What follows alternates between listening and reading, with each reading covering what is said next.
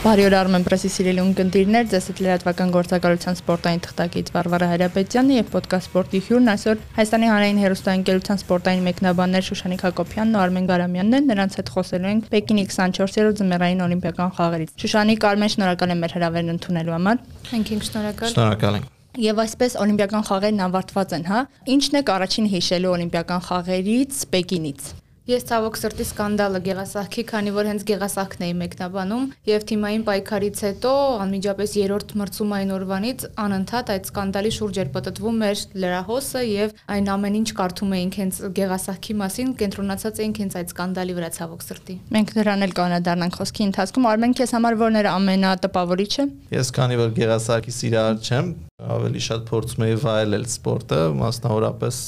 չմշկավազքը եւ այնտեղ ունեի սիրելի մարզուհի, որը ցավոք չկարողացավ օլիմպիական ոսկի նվաճել, բայց արծաթե մեդալակիր դարձավ։ Խոսքի Լերդամի մասին? Է։ Սա կեսկատակ կես լուրջ, ընդհանուր առմամբ կարելի էր վայելել, քանի որ մասնավորապես բիաթլոնում շատ հետաքրքիր պայքար էր եւ բիաթլոնը ամենագեղեցիկ մարզաձևերից մեկն է ձմեռային օլիմպիական խաղերի եւ հերթական անգամ մենք ստացանք էսթետիկական աճիկ։ Ես կուզենամ խոսենք որպես մասնագետեր մեր մարզիկների մասնակցությունից, հա։ Իհարկե ձմեռային խաղերը մեզ համար օլիմպիական կարգախոս ունեն, հա, կարևոր մասնակցություն է, բայց այնուամենայնիվ կարող է գա մի ժամանակահատված, իհարկե մենք դեռ երկար կսպասենք դրան, որ մենք չմասնակցենք միայն մասնակցության համար, հա, գոնե մրցակցություն ապահովենք։ Քայլ առաջ կա այն մասով, որ այլևս սպիտակ քարտերով չեն մասնակցում, այլ ուղեգիր են ձեռք բերում, սա կարևոր քայլ է համարում եմ մանավանդ ձմեռային ձևերի համար եւ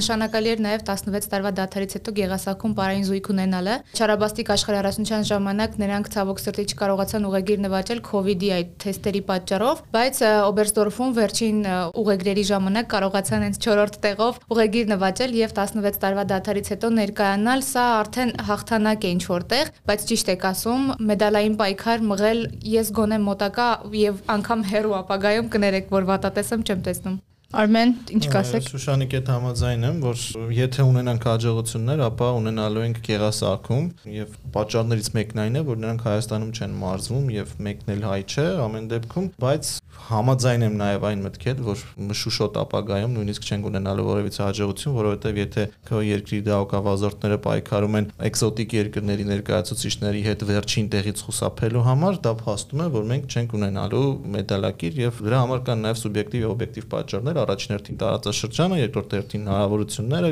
թե ինչ հնարավորություններ ունի մեր ֆեդերացիան եւ ընդհանրապես տարածաշրջանը մենք ունենք արդյոք որևիցե հաջողության հասնելու հնարավորություն։ Մենք կարող ենք պայքարել մեր հարևան երկրների հետ, մենք կարող ենք պայքարել, գիտեմ, աֆրիկյան երկրների հետ, բայց բարձր տեղերի համար գինենք անկեղծ անիրատեսական է։ Վերադառնալով օլիմպիական խաղերի ամենասկանդալային, հա, իրավիճակին կապված ռուս գեղասահորդ Կամիլա Վալիևայի հետ։ Շուշանիկ, այնուամենայնիվ ինչ էր պատահել, ինչից այսպիսի մեծ աղմուկ բարձրացավ եւ այնուամենայնիվ, հա, սա ինչ որ քաղաքական հետապնդում չէ Ռուսաստանի նկատմամբ։ Նախ որ Ռուսաստանը առանց դրոշի եւ առանց հենց անվանման էր մասնակցում օլիմպիական խաղերից, այդ ճնշում էր դեռևս նախորդ օլիմպիական խաղերից սկսած Սոչիի սկանդալից, հայտնի դոպինգ խնդիրների պատճառով։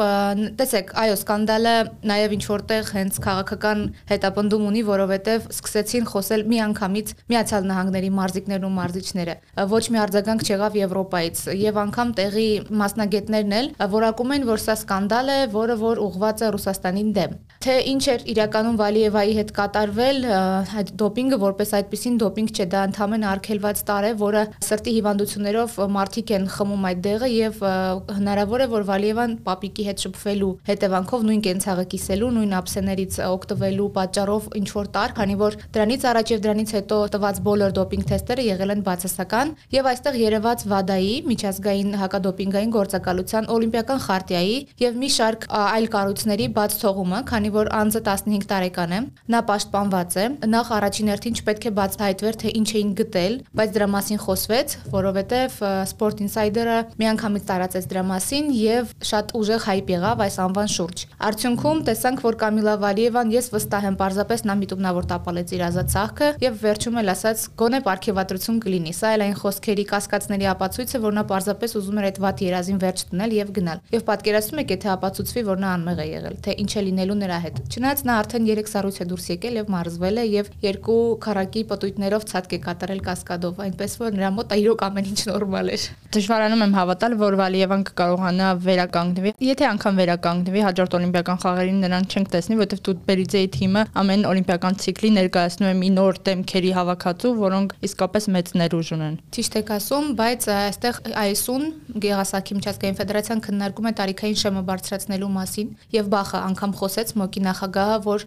Վալիևայի ելույթից հետո խորապես մտածում է շեմը բարձրացնել, քանի որ 15 տարեկան աղջիկը կարող է պարզապես մարդու կյանքը կոտրվել, ոչ միայն սպորտային կարիերայի մասն է խոսքը, այլ կյանքը պարզապես կոտրվել եւ հնարավոր է, որ օլիմպիական խաղերում եւս շեմ բարձրացնեն, այսինքն գոնե 18 տարին լրացած։ Այդ ժամանակ արդեն Տուտբերիձեի թիմը պետք է ստիպված լինի մտածել նոր մարտավարություն, որպեսզի ավելի երկարակյաց դարձնի գեղասահորտներին։ Այս դեպքում կին գեղասահորտներին։ Արմեն վերադառնալով քո սիրելի բիաթլոնին, հա, ինչպիսի տպավորություն ստացար այն մրցակցությունից, որոնք ապահովեցին ռուսական թիմը, նորվեգական թիմը եւ ինչ որտեղ նաեւ Ֆինլանդիան։ Ռուսները կարող էին հաջողության հասնել ոսկե մեդալի իրական հավակնորդային թիմային ձևում փոխանցավազքում, բայց 4-րդ բիատլոնիստը վերջին գրակայորդում 5 վրիպում թույլ տվեց, ինչը ճակատագրական դարձավ եւ վերադառնալով ձեր նախորդ հարցին Շուշանիկ ինովաց արդյոք սա քաղաքական հետապնդում չէ, եթե, չգիտեմ, Գեղասակում հնարավոր է ինչ որտեղ հոկեյում հնարավոր է մրցավարության միջոցով միջամտել, ապա թե դահոկավազքում, թե բիատլոնում, թե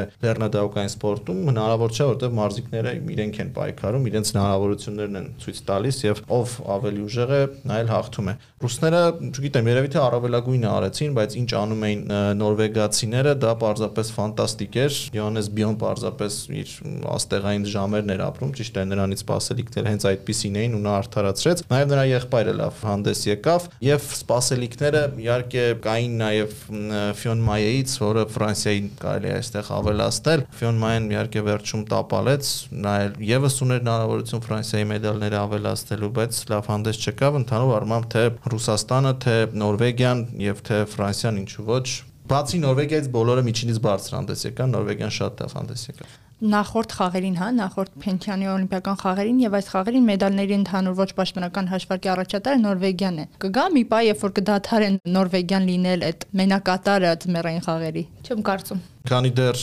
շատ ու շատ ձմեռային մարզաձևերի ներկայացուցիչներ մարզվում են հենց Նորվեգիայում, իրենց հավաքները անցկացնում են այնտեղ, որտեղ իդեալական պայմաններ կան այնտեղ, շատ բարդ է պատկերացնում եթե դուք եք ընդունում տարբեր երկրների ներկայացուցիչներին, դա արդեն շատ բանի մասն է խոսքում, քո հնարավորությունների, քո երկրի տված մարզիկների հնարավորությունների եւ Գերմանիան փորձում էր ամենայն դեպս պայքար առաջարկել Նորվեգիային մեդալային պայքարում, բայց ինչպես միշտ չստացվեց։ Դուք հաստատ կհիշեք Վարվարա, երբ որ եղել եք Նորվեգիայում եւ առաջին տպավորությունը, որ կիսվեցիքից է, դա այն էր տպավորությունը, որ այնտեղ դահուկներով են ծնվում։ Հենց այդ էլ այնտեղ է։ Դրա համար կարծում եմ առաջիկա տարիներին միանշանակ հատկապես լեռնային ձևերում, դահուկային ձևերում անհնար է որ։ Աճակ դա չի կանգնեցնի եւ չի, այսպես ասած, ստոպ տա այն հետաքրքրությունը եւ սերը ձմեռային օլիմպիական խաղերի նկատմամբ, որ սովորաբար լինում է այլ երկրներում։ Ոչ, քանի որ Նորվեգիան շատ երկար տարիներ առաջատար է եւ հավատացեք Ֆրանսիայի նման օրինակ երկրներին կհիշեք Մարտեն Ֆուրկադին, նրա հիմնական մրցակիցները նորվեգացիներ նորվեգացիներն էին եւ հենց նորվեգացիների լինելը ստիպեց Մարտեն Ֆուրկադին Ֆրանսիայի համար պատմություն կերտել։ Եվ հիմա Ֆիոն Մայեն է փորձում շարունակել նրա ճանապարհը։ Այսինքն միշտ փորձում են մրցակցել, որովհետեւ նրանք լավագույնն են, իսկ մրցակցությունը լավագույնի հետ միայն քեզ ավելի լավն է դարձնում։ Ես էլ եմ համաձայն, այստեղ այնպես չէ, որ նորվեգացիների առավելությունը շատ բացահայտ է իրեն հետապնդող երկրների նկատմամբ, միշտ էլ պայքարականատես լինում ենք, լինում են նաև որ վրիպում են նորվեգացիները եւ մյուս երկրների ներկայացուցիչները նվաճում են մեդալներ, այնպես չէ որ նորվեգացիները միայն ոսկե մեդալ նվաճել։ Կան երկրների ներկայացուցիչներ, որոնք եւս դարձել են ամենաբարձր հարկի մեդալի դափնեկիր, բայց այն որ Նորվեգիան ցանկացած ձևում չասենք, բայց գրեթե միշտ ֆավորիտ է, դա փաստ է։ Կորոնավիրուսի պանդեմիայի պատճառով մեզ ճակերտավոր բախտ վիճակվեց 6 ամսվա ընթացքում երկու օլիմպիական խաղերի ականատես լինել, հա։ Այնուամենայնիվ կորոնավիրուսի պանդեմիան ինչքանով ազդեց օլիմպիական խաղերին, գեղեցկությանը, դիտարժանության վրա։ Տոկիոյում տպավորություն էր, որ մենք հետևում էինք մարզմանը, իսկ այստեղ գոնե երկրպագուների քիչ քանակով ներկայությունը եւ որ թույլ տվել էին գոնե թիմակիցներին ներկա լինել մարզապալատներում, այս դեպքում Գեղասահքում կամ հոկեյի,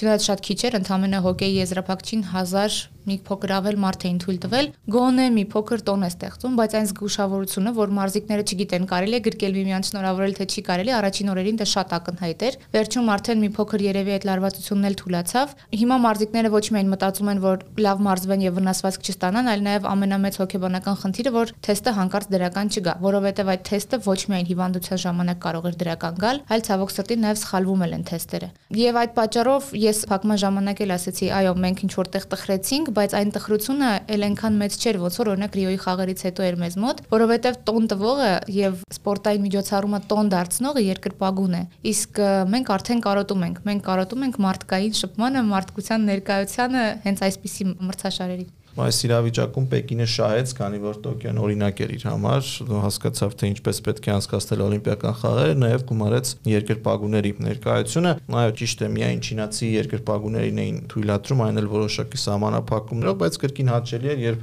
գոնե չինացին երբ դուրս էր գալիս հարթակ, ակտիվանում էին երկրպագուները ու փորձում էին աջակցել, ճիշտ է, չինացիները մասնավորապես դահուկային ձևերում բիատլոնում առաջատար չեն, բայց